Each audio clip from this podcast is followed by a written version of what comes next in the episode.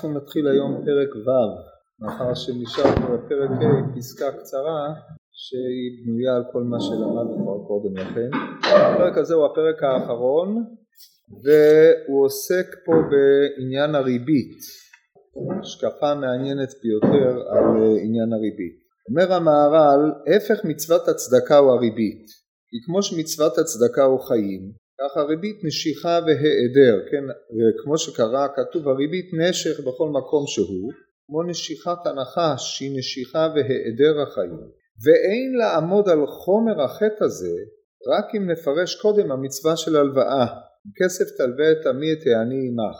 זאת אומרת, כיוון שמצוות הריבית היא פועל יוצא של מצוות ההלוואה, אז יש גם ריבית במכר, אבל ביסודו של דבר הריבית שייכת להלוואה. הרעיון של ריבית הוא מעין שכירות מעות, זאת אומרת אם אדם יש לו חפצים, הוא משכיר אותם לאחר, אז השימוש של האחר בחפצים עולה כסף, הוא משלם לו שכירות. ריבית זה שכירות מעות, אדם נותן מעות לחברו, וכיוון שמעות שלו בטלות באותו זמן, זאת אומרת הוא היה יכול אה, לעשות בהם איזה שהם עסקים, ותחת זה הוא נתן לחברו להשתמש במעות הללו, הרי שהמעותיו בטלות, ותמורת השימוש במעות הוא דורש כסף. התוספת הזאת היא נקראת ריבית, ריבית קצוצה, יש לנו שני סוגים של ריבית, יש ריבית קצוצה שהיא ריבית שקובעים אותה או קוצצים אותה בשעת ההלוואה, ויש ריבית שאינה קצוצה שנקראת שכר המעות, אגר, אגר נטר, שעולה מתוך ההלוואה שמאחר שנתתי לך הלוואה זו וזו תחזיר לי מעט יותר. על כל פנים הריבית הקצוצה היא ריבית שאסורה מן התורה ועונשה חמור ביותר אף על פי שאין בית דין אה, מענישים עליה במלכו, אלא ריבית קצוצה יוצא בדיינים ושאינה קצוצה אינה יוצא בדיינים. אף על פי כן הכתוב אה, החמיר, החמיר בריבית הזאת ובעיקר הכתובים בספר יחזקאל החמירו בה ביותר וחז"ל אה, הרימו את נס חומר ההלוואה בריבית כמו שאנחנו נראה להלן להשוו אותה לכופר כופר בעיקר, כופר ביציאת מצרים, ואין לו חלק לעולם הבא, ואין לו זכויות, אין, אין מלאכים מלמדים עליו זכות בהגיעו לעולם האמת, ועוד אה, אי, אילו עניינים שנקשרו להלוואת הריבית הזאת, ואתה שואל את עצמך אחרי ככל את הכל למה? מה יש? הרי אדם, אם הייתי סוח, מזכיר למישהו משהו, הייתי, אני זכאי באופן מלא לקבל את השימוש, למה אם אני נותן לו מעות זה לא יהיה ככה, מה יש? יתרה מזו, בריבית בניגוד לשאר עניינים. הלווה מסכים או מגיעים הדברים לידי כך שהלווה מבקש שילוו לו כסף המלווה לא סומך עליו.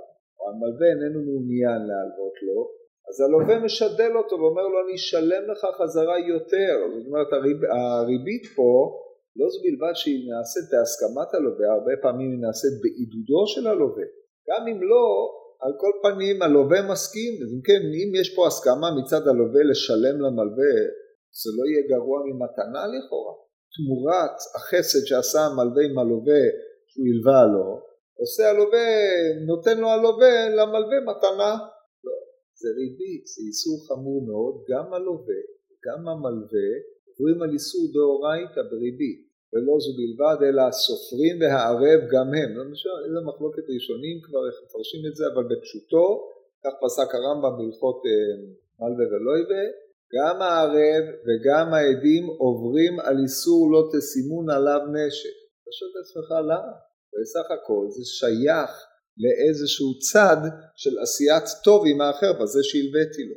אז זה עניינו של המהר"ל להסביר את זה ולכן המהר"ל רואה בשלב ראשון להסביר את עניינה של ההלוואה. עכשיו על פניו הלוואה היא סוג של צדקה, אנחנו ראינו בהלכות אה, מתנות עניים בפרק ח' שהמעלה הגדולה ביותר של הצדקה היא או שאדם מלווה לחברו או שאדם אה, מסייע לחברו למצוא עבודה באופן שהאדם מקבל ההלוואה או מקבל העבודה יהיה עצמאי לא יהיה תלוי במתנות האחרים שונא מתנות יחיה וכיוצא בדברים האלה אם כן ההלוואה לאחר כדי שהאחר יוכל לבסס את, אה, את עצמו כלכלית זה חסד גדול מאוד אז אם זה כך איך הריבית הופכת את הדבר מן הקצה לקצה עד החומר הגדול שככופר ביציאת מצרים, כופר בתחיית המתים, כופר בעיקר. לכן המהר"ל צריך להסביר את עניינו של ההלוואה. עכשיו אנחנו ראינו קודם לכן שמאחר שההלוואה שייכת לענייני הצדקה אז היא איזשהו סוג של צדקה, אלא שבעוד שבצדקה ראינו קודם לכן שזה עניינו, עניינו החיים, דהיינו אתה נותן לאחר חיים מפני שהעני חשוב כמת, ועל ידי זה שאתה נותן לו הצדקה אתה נותן לו איזושהי בחינה של חיות, ועל זה התבססו כל הדברים שנאמרו קודם לכן. ההלוואה, כמו שאמרנו, היא שדרוג יותר, מה מקום לבוא ולהסביר מה זה הלוואה.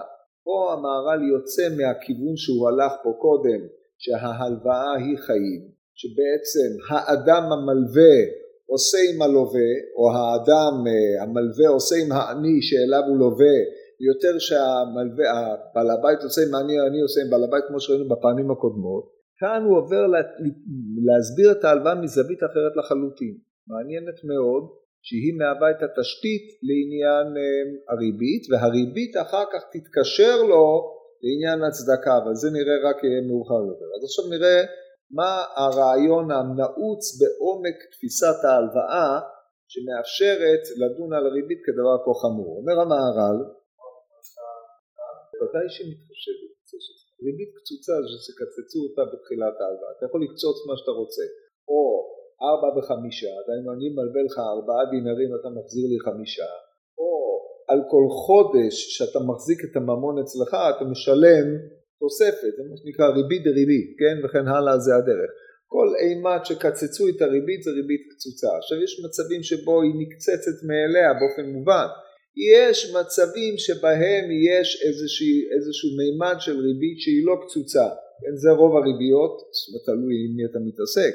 ויש אה, היתר עסקה שאמור לעקוף את העניין הזה בצורה שהיא אה, ריבית זה, זה אגר נטר, כן, שוב זה מחלוקת, אבל על כל פנים באגר נטר זה שאני משלם אה, או שאני אה, אה, נותן לך, למשל אני נתתי לך שק של קמח, מחזיר לי שק של קמח, אבל שערי השוק השתנו כך שהשק של עוד עניינים מעין אלה. טוב, אומר המהר"ל במחילתא, זה נמצא בדף קפ"א למעלה בשורה הראשונה, כל, כתוב בפסוק, אם כסף תלווה את עמי, את עמי את העני עמך, לא תהיה לו כנושה לא תסימון עליו נשך. יש פה שני דברים. אם כסף תלווה את עמי, זה מה שנאמר בלשון אם. ראינו שיש שני סוגים של אם בתורה, יש כמה סוגים למעשה, אבל אם הוא יכול להיות תנאי, כמו אם נתון תיתן את העם הזה בידי ואחרמתי את עריהם, או אם, אה, אם, ויש, או כן, שרים, ויש אם שהוא בבחינת כאשר אם יהיה היובל לבני ישראל, הרי היובל ודאי יהיה, אלא כאשר יהיה היובל לבני ישראל. או בפרשת השבוע, אם יהיה אלוהים עמדי ושמרני בדרך הזה אשר אנוכי הולך, יעקב אבינו לא מתנה עם הקדוש ברוך הוא תנאים, אלא כאשר יהיה אלוהים עמדי, זה משמעות האם פה. ואם כן, כשאנחנו מגיעים ל"אם כסף תלווה את עמי", האם זה בחירה אם תרצה תלווה אם לא תרצה לא תלווה אמרו חז"ל במחילתא כל אם שבתורה רשות כסף תלווה את עמי חובה אז אם כן האם הזה זה כאשר כסף תלווה את עמי?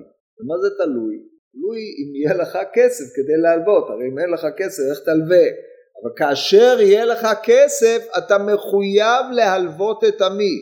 כתוב אם כסף תלווה את עמי את העני עמך על זה באו שתי אזהרות, לא תהיה לו כנושה, אתה לא צריך אה, לתבוע ממנו את המעות, לבוא להיראות בפניו כדי לבייש אותו, כדי לאמלל אותו, אתה יכול לקבוע לו זמן וכשיגיע הזמן תתבע את המעות אבל לפני זה אתה לא mm. יכול אה, להיות לו כנושה והדבר השני לא תשימון עליו נשך אומר המהר"ל אם כסף תלווה את עמי חובה, יכול רשות, תלמוד לומר, העוות תעביתנו. עוות תעביתנו, דהיינו אתה צריך לקחת ממנו משכון. עכשיו, יש דין, אומרת הגמורה בבבא מציע, מימא דרבינה, אדם שמלווה בלא נטילת משכון ובלא שטר, עובר על לפני עיוור לא תיתן משכון. הוא המכשול. קל לו ללווה לכפור בהלוואה הזאת. אבל יש לקחת משכון, וזה, זה דרך אגב זה מושג שולחן ערוך, לקחת משכון או יש לך שטר הוא לא יכול לכפור בך, זה חובתו של המלווה לעשות דברים כאלה למרות שהלוואות קטנות לא נהגו כל כך לעשות, לא עושים שטר להלוואות של שקל, שני שקלים או הלוואות אה, קטנות, גם לא לוקחים משכון כי הטרחה בשמירת המשכון לפעמים עולה על ההלוואות, אבל בהלוואות גדולות ודאי שאדם לוקח בטוחות על ההלוואה ועושה שטר. אומר המהר"ל, תלמוד לומר רעבית אביתן, ויש לשאול מאחר שהיא מצווה, למה כתיב בלשון אי? והתורה הייתה יכולה לומר כסף תלווה את עמי את העני עמה, בלי האם. יש לפרש, כי הכתוב בא לומר כי המצווה הזאת תלויה במה שכתוב אחריו לא תהיה לו כנושה. דהיינו שיהיה המלווה מרחיק עצמו מן הלווה ולא יהיה נראה ללווה. שאם המלווה נראה ללווה, מצטער, זה כנושה. נראה שכאילו אתה בא לגבות את חובו וכאשר אין לו הדבר הזה מכניס אותו לצער או מצער אותו. גם אם אה, הגיע זמן הפירעון ואין לו, הוא בוודאי מצטער מאוד, שהיה רוצה לפרוע את חובו, שהרי אדם שפרע את חובו שמח מאוד, כמו שאומרת הגמרא בעבודה זרה, אזילו מוידה של הגוי, אפילו גוי פורע אזילו מוידה לאלוהיו, לכן אסור לפרוע לו ביום עדו, אבל אה, לדעות מסוימות, מחלוקת על כמה ורבי יהודה במסכת עבודה זרה, אבל לגבי אה, אדם בעלמא, אתה לא אמור להיראות ללווה שלך מי שיש כלל עבד לא יבל לאיש מלווה, גם פסיכולוגית זה כך, ואתה לא אמור להביא אותו לידי מצב של אה, הרגשה צער. זה כלול באזהרה של לא תהיה לו כנושה. מה זה אומר? איך זה משפיע על ניסוח הכתוב? אומר המהר"ל דהיינו שיהיה המלווה מרחיק עצמו מן הלווה ולא יהיה נראה ללווה שאם המלווה נראה ללווה הוא מצטער ולכך לא יזכיר בשעת הלוואה המצווה כי עדיין אין המצווה נעשית עד כי יעשה דבר זה שנעשה לו המלווה כנושה. וכיוון שמצווה תלויה בזה לא יזכיר המצווה להלוואה כי עדיין אין אנו יודעים אם מצווה היא ההלוואה או לא. יש פה פרשנות מבריקה הוא אומר כדברים האלה. אם כסף תלווה את עמי דהיינו אם אתה מקיים את חובת ההלוואה שהיא הטילו עליך זאת איננה מצווה אלא אם כן לא תהיה לו כנושה זאת אומרת ההלוואה הזו לא נזקפת לזכותך כמצווה אלא כעסקת ממון בעלמא אם אתה כנושה רק אם לא תהיה לו כנושה אז המצווה היא מצווה. ולכן אומרת התורה אם כסף תלווה את עמי לא תהיה לו כנושה שאם תהיה לו כנושה לא קיימת את המצווה. ואם לא תהיה לו כנושה אז קיימת את המצווה. ולכן התורה ניסחה את זה בלשון תנאי. זאת אומרת אם כסף תלווה את עמי מקרא חסר קיימת מצווה והוא שלא תהיה לו כמשה ככה מתרץ את הניסוח הזה.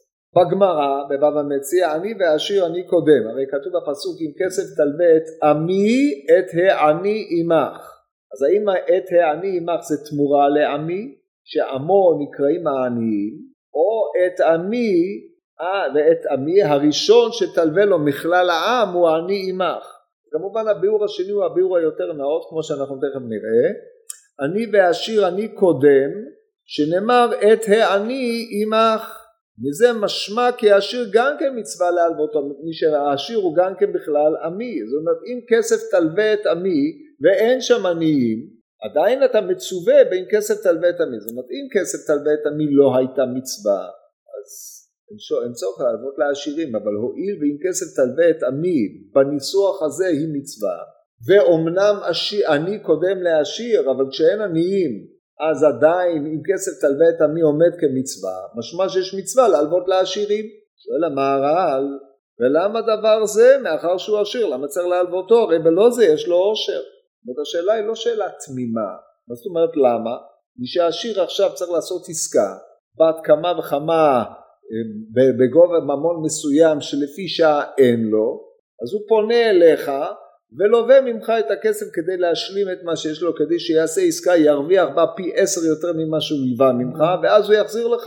אז שאלה, אומר המהר"ל אם זה היה השיקול, זאת לא הייתה מצווה, בשביל לאפשר לעשיר לגלגל מיליונים בשביל לאפשר לאדם להתנהל כלכלית בצורה יתרה, הוא רוצה לקנות עוד דברים, עוד רכוש, התורה לא הייתה מצווה אותך להשתתף בדבר הזה, אתה רוצה תשתתף, אתה לא רוצה אל תשתתף, שאלה של הדדיות. חברה מתנהלת בעניין, באופן כזה, אדם לא מלווה לחברו, על דעת זה שחברו יחזור וילווה לו כאשר הוא צריך, אבל זה עניין של הדדיות חברתית, מה העניין מצווה לפה, למה התורה ציוותה אותך לדבר הזה, זה עומק השאלה שלנו. עשיר יש לו, זה שלעסקה המסוימת הזאת אין לו, שלא יעשה את העסקה, מי ביקש ממנו בכלל? או אין לך מצווה לסייע לו לעשות את העסקה הזאת, כיוון שהעסקה הזאת היא לא קיום של איזושהי מצווה, אלא היא צורך של התפרנסות, עושר וכיוצא בדברים האלה, והבן אדם לא רעב לפת לחם, הוא לא עני. מה גלום במצווה הזאת להלוות לעשירים כדי לגלגל את הכסף שלהם או לעשות את העסקאות שהם צריכים? מה ההיגיון בדברים האלה? זה עומק שאלת המהר"ל. אומר המהר"ל פה דברים נשגבים ביותר, מרתקים. למה צריך להלוותו? הרי בלא זה יש לו עושר, אבל דבר זה, כי ישראל הם עם אחד לגמרי, עד שנקראים אחים.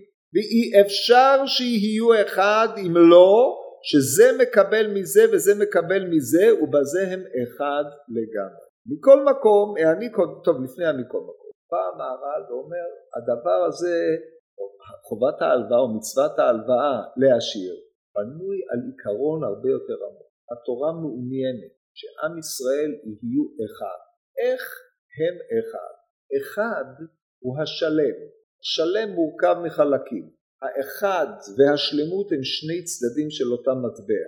מפני שהאחד הוא לא היחיד אלא האחד הוא כאשר כולם אחוזים ודבוקים זה בזה, זה המשמעות של אחד, ז' וד' מתחלפות, האחוזים זה בזה עד שהם מתאחדים הם יוצרים את האחד, לכן האחד תמיד מצביע על הריבוי, העולם הוא אחד, הוא אחד מפני שיש בו ריבוי, שהריבוי הזה כולו, כל, של, כל דבר משלים את זולתו, ככה מסביר המהר"ל בתחילת נצח ישראל, והרעיון הזה הוא רעיון כביר, ביסודו של דבר מה שעומד ברעיון הזה הוא שאם כולם היו אותו דבר לא היה שום אחדות, היה פרט אחד משוכפל, אבל כאשר יש, יש שינויים, יש גוונים, יש חסר ויש משלים את החסר, אז יש אפשרות להש... של שלמות, שלמות זה כאשר אנשים משלימים זה את זה, השלמות שיוצרת אורגניזם אחד הוא האחד. עם ישראל הוא גוי אחד בארץ, ככה אנחנו אומרים, אנחנו אומרים בתפילה, מי כעמך ישראל גוי אחד בארץ, כן, אתה, הרי השם אומרת, את השם אמרת היום להשם אמרך, היום הגמרא אומרת אנחנו קוראים לו אחד יתברך, הוא קורא לנו אחד, כמו שאומרת הגמרא בברכות, בתפילין דקודשא בריחו מה הכתיב, מי כעמך ישראל גוי אחד בארץ, ועוד חמישה דברים שמורים על האחדות של עם ישראל, שאחדותו מורה על אחדות האל יתברך, על היותו יחיד, אל יחיד, אנחנו העם האחד מצביע על זה, אם כן כדי שהעם הזה יהיה אחד צריך שיהיה זיקה בין הפרטים השונים באופן שכל פרט משלים את זולתו. מפני שאם הפרטים הללו כל אחד מתקיים בודד במועדיו אלא הם דרים זה בצד זה כמו שקרוי בהרכבה השייכונית. יודעים מה זה הרכבה שייכונית? יש אה, אצל הקדמונים הם הבחינו בין הרכבה מזגית להרכבה שייכונית השתמש בזה האחרונים השתמשו בזה הרבה רבי שובר, אייזר סלונימר ומטשבץ ישנם שני סוגים של הרכבות, יש דברים שעומדים ביחד כמו גל של אגוזים, שכולם שוכנים זה בצד זה אבל מקבלים מה, מהקיבוץ של הפרטים אתה מקבל גל, זה נקרא הרכבה שייכונית, מלשון שכן, זה שכן לזה, או בניסוח הפילוסופיה החיילים בסוס הטרויאני, בלי להיכנס עכשיו יותר מדי למשמעות של הדבר הזה, פירושו של דבר זה ביטוי פילוסופי שכל טענה עומדת לעצמה, היא לא תלויה בשני, אלא מה שקיבץ אותם יחד זה שכולם נמצאים בבטן הסוס. אבל אה, זה מקרה קרה, הטיפשות של הטרויאנים הביא אותם לידי כך, אבל כל חייל עומד לבד, זה נקרא הרכבה שיקומית. הרכבה מזגית מותיר כובד, אשר כולם ממוזגים זה בזה. כן, טענו בזה באחרונים, בתשבץ, אה, עוד, האם אה, כליים זה הרכבה שייכונית או הרכבה מזגית, כאשר אתה תופר כליים זה בזה צמר ותשתית, רק דוגמה לצורך העניין, בשר בחלב בבישול זה הרכבה מזגי לצורך העניין. אז כשאנחנו מדברים על אחדות, אנחנו לא מדברים על אחדות שהיא שייכונית, דהיינו כולם מכונסים באותה ארץ, כל אחד מתפרנס בעצמו, הוא לא צריך את טובת האחר, הוא יושב תחת גפנו ותחת עינתו ואין אין לו, אין מחריד, מדי פעם מחליף איזה מילה עם השכן, הוא חי כמו שחיים במערב, כל אחד חי לעצמו, כן? בשכנות של שואפת לאפס. זאת לא אחדות, האחדות זה כאשר, הצ... כאשר היחידים, הפרטים, מחוברים אחד עם השני, משלימים אחד את השני. או בניסוחו של המהר"ל מקבלים דין מן דין. איך הם מקבלים זה מזה? אם כל אחד יש לו הכל, קבלה זה מזה היא זו שהופכת אותם להיות משלימים כי האחד משלים את החסר של השני אף על פי שעילת הקבלה היא כדי שהאחד אה, יעשה איזושהי עסקה וכולי אבל לא המבוקש פה הוא התלות ההדדית. התלות ההדדית יוצרת אותם יוצרת קיבוץ שהוא כולו מאוחד ומשלימים זה את זה.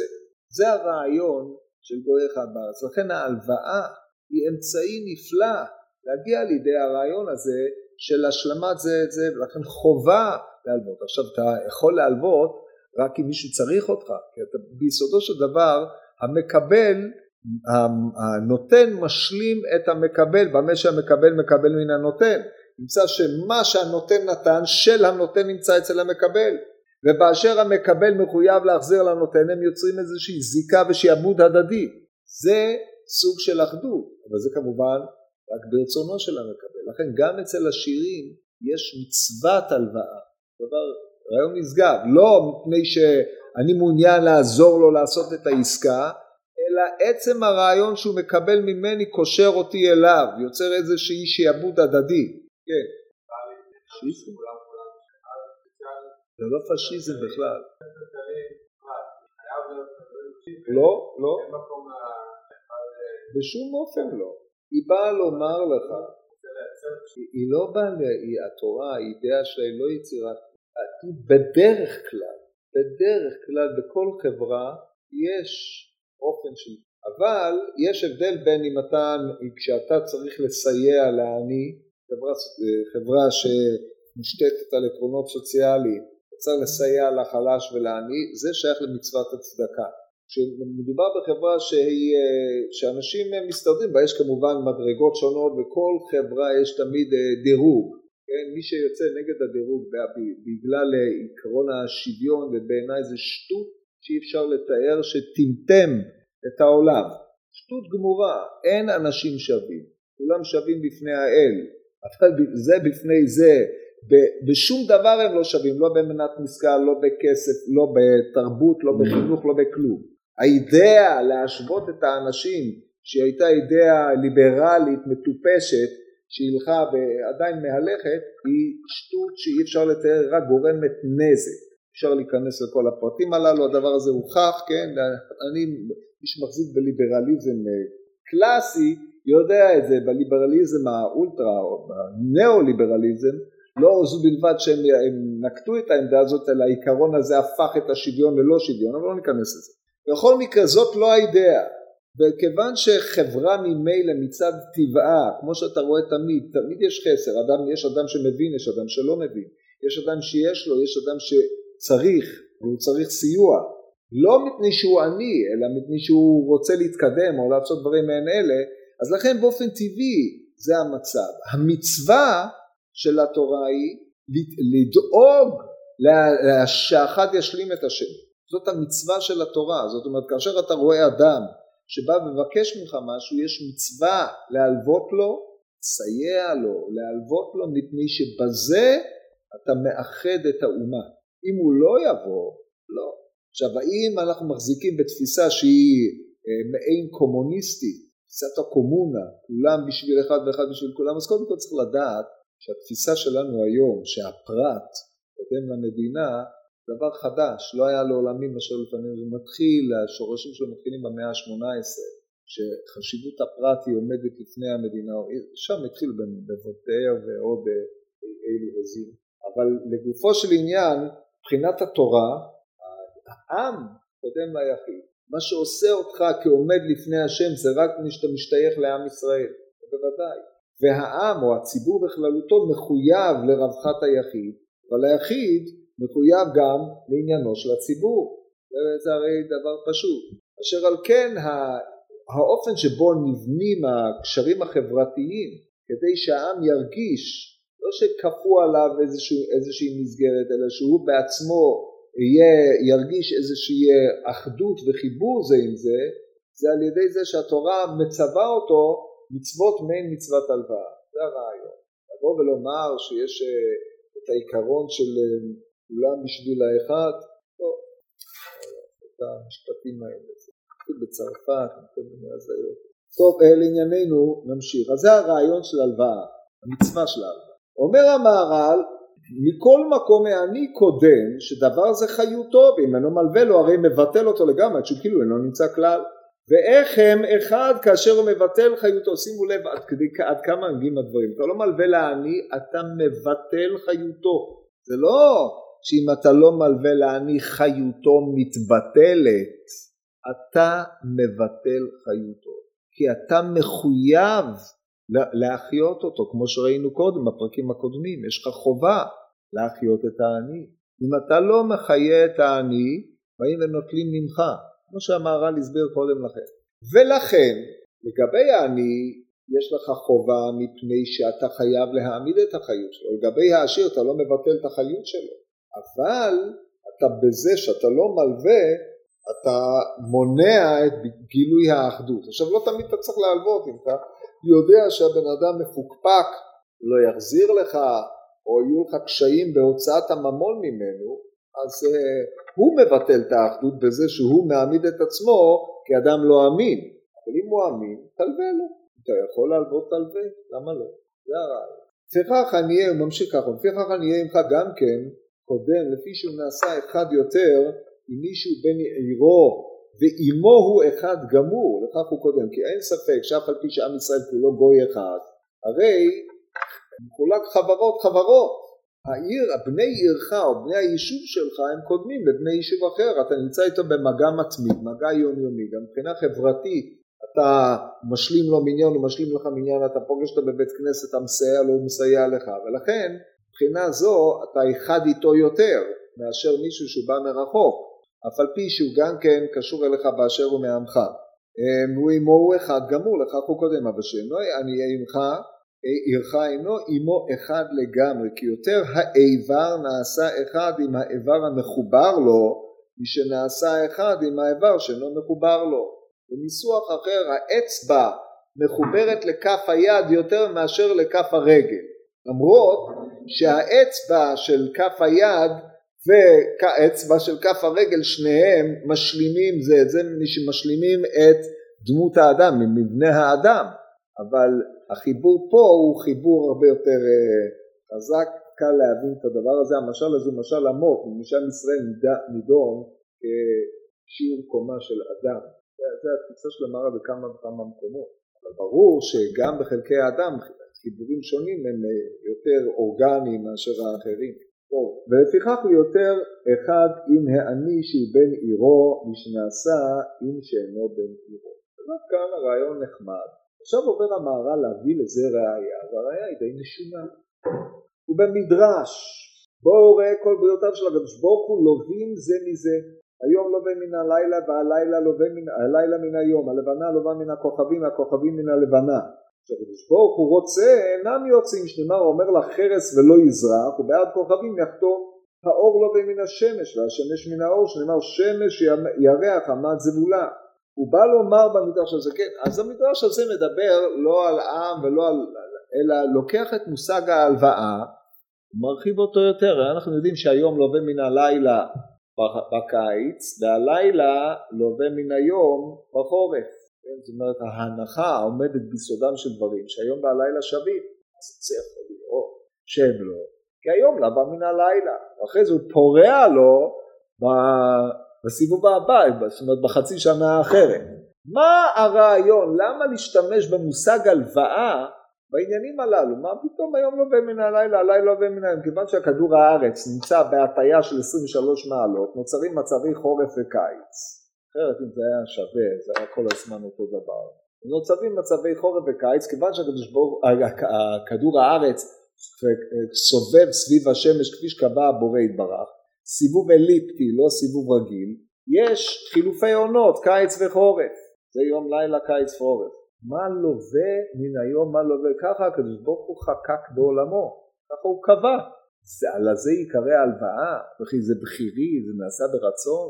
אותו דבר, השמש, הירח לווה מן הכוכבים והכוכבים לווים מן הירח.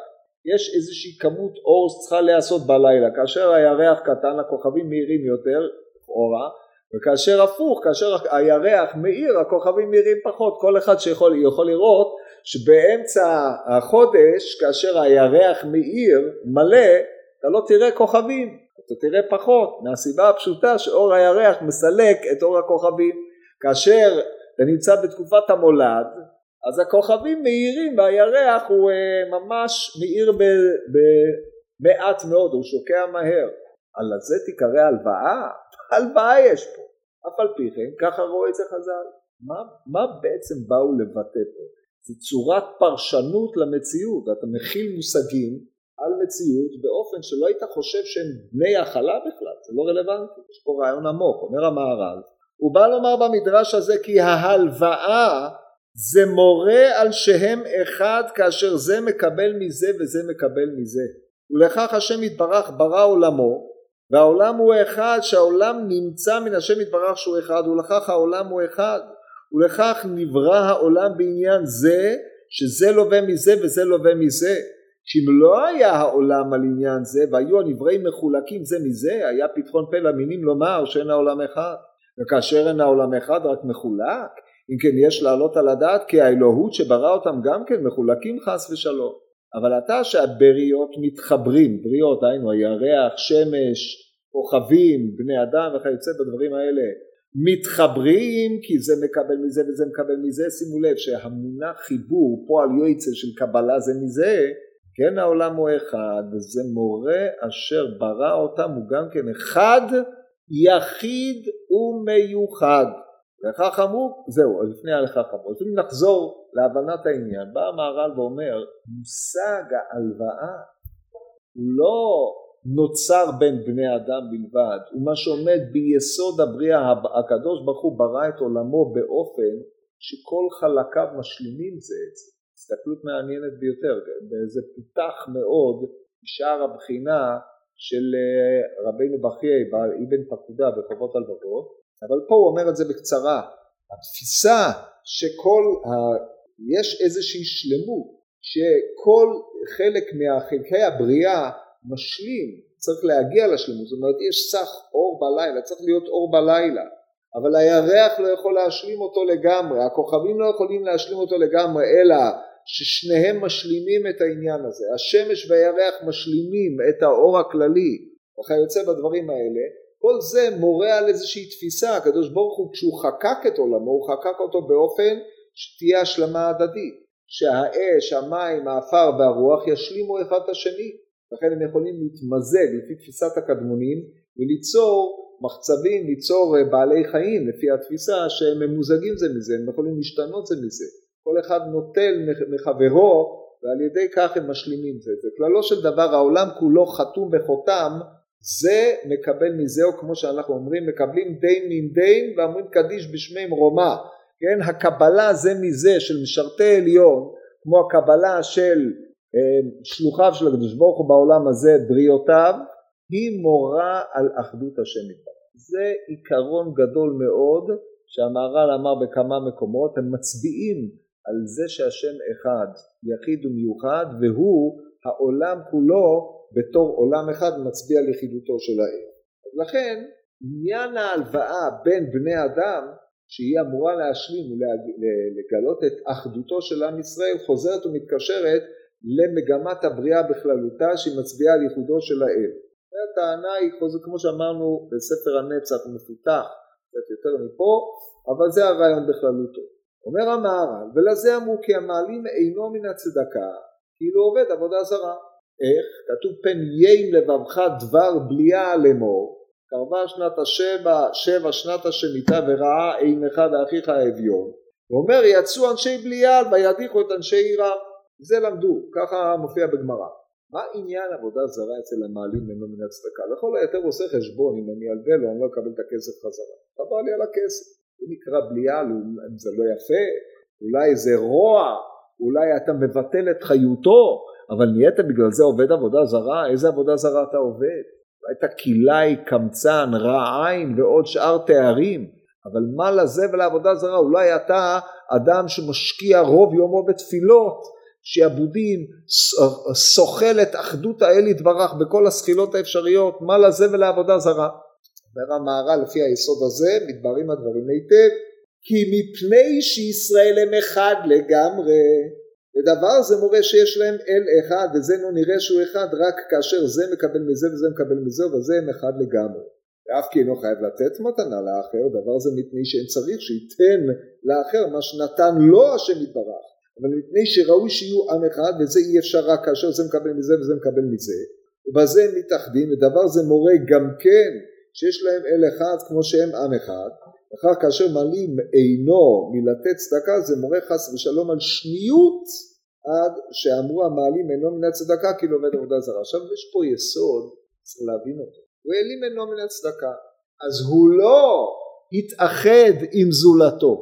לא נתן אז הוא ביטל את חיותו של העני אז הוא לא גילם את האידאה של עם אחד לגמרי. למה זה מורה על עבודה זרה למה זה כאילו עובד עבודה זרה?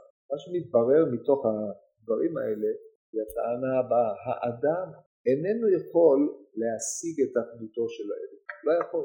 אלא על ידי זה שהוא משיג סוג דומה של אחדות בארץ. אדם לא יכול להשיג את זה. אתה יכול לחשוב על זה תיאורטי, אבל ברגע שאין לזה, לזה גילוי בעולם, או אין גילוי לעובדה שכל נשמות ישראל הם בעצם שורשם אחד מתחת כיסא הכבוד, אז זה אמירה בעלמא בלי יישום, זו אמירה שהיא איננה אמיתית, אין לה כיסוי. זה הגות שאין לו מימוש בעולם, כדי לומר שהקדוש ברוך הוא אחד, הוא צריך להתגלות כאחד בארץ. וגילויו של הקדוש ברוך הוא כאחד בארץ תלוי באדם עצמו. תלוי באופן שבו האדם נוהג. אם אתה הולך במידותיו, מצדמה במעשיו הטובים והישרים, אתה מגלה את אחדותו של, של השם יתברך. אם לא אתה יכול לומר את זה בפיך, אתה יכול להגות במיני האחד, כמו שבשער האיחוד, בחובות הלבבות, או בכל עניינים תיאורטיים אחרים על האחד ועל האינסוף, על מספרים וכל הדברים האלה, אין לזה נגיעה אל השם יתברך. השם יתברך מתגלה רק בחיים שהוא משפיע בעולם, והחיים שהוא משפיע בעולם וגילויו כאחד תלויים בעם ישראל. לכן הציווי שלך בקיום מצוות הצדקה, מה שעולה פה, הוא חלק מגילוי הייחוד של השם יתברך בארץ. כמו שאתה מצווה להצהיר על הייחוד בשמע ישראל השם אלוקינו השם אחד, אתה מצווה לממש את הייחוד במצוות הצדקה. זה מה שעולה מפה, ולכן אם אתה לא עושה את זה, או בידך לעשות ואתה נמנע לעשות, זאת אומרת אתה בשמיים ואני בארץ ואני עושה מה שאני רוצה, אין זיקה ביני לבינך, אני יכול לחשוב עליך באופן תיאורטי אבל אין לך זיקה בארץ, זה כפירה ושניות.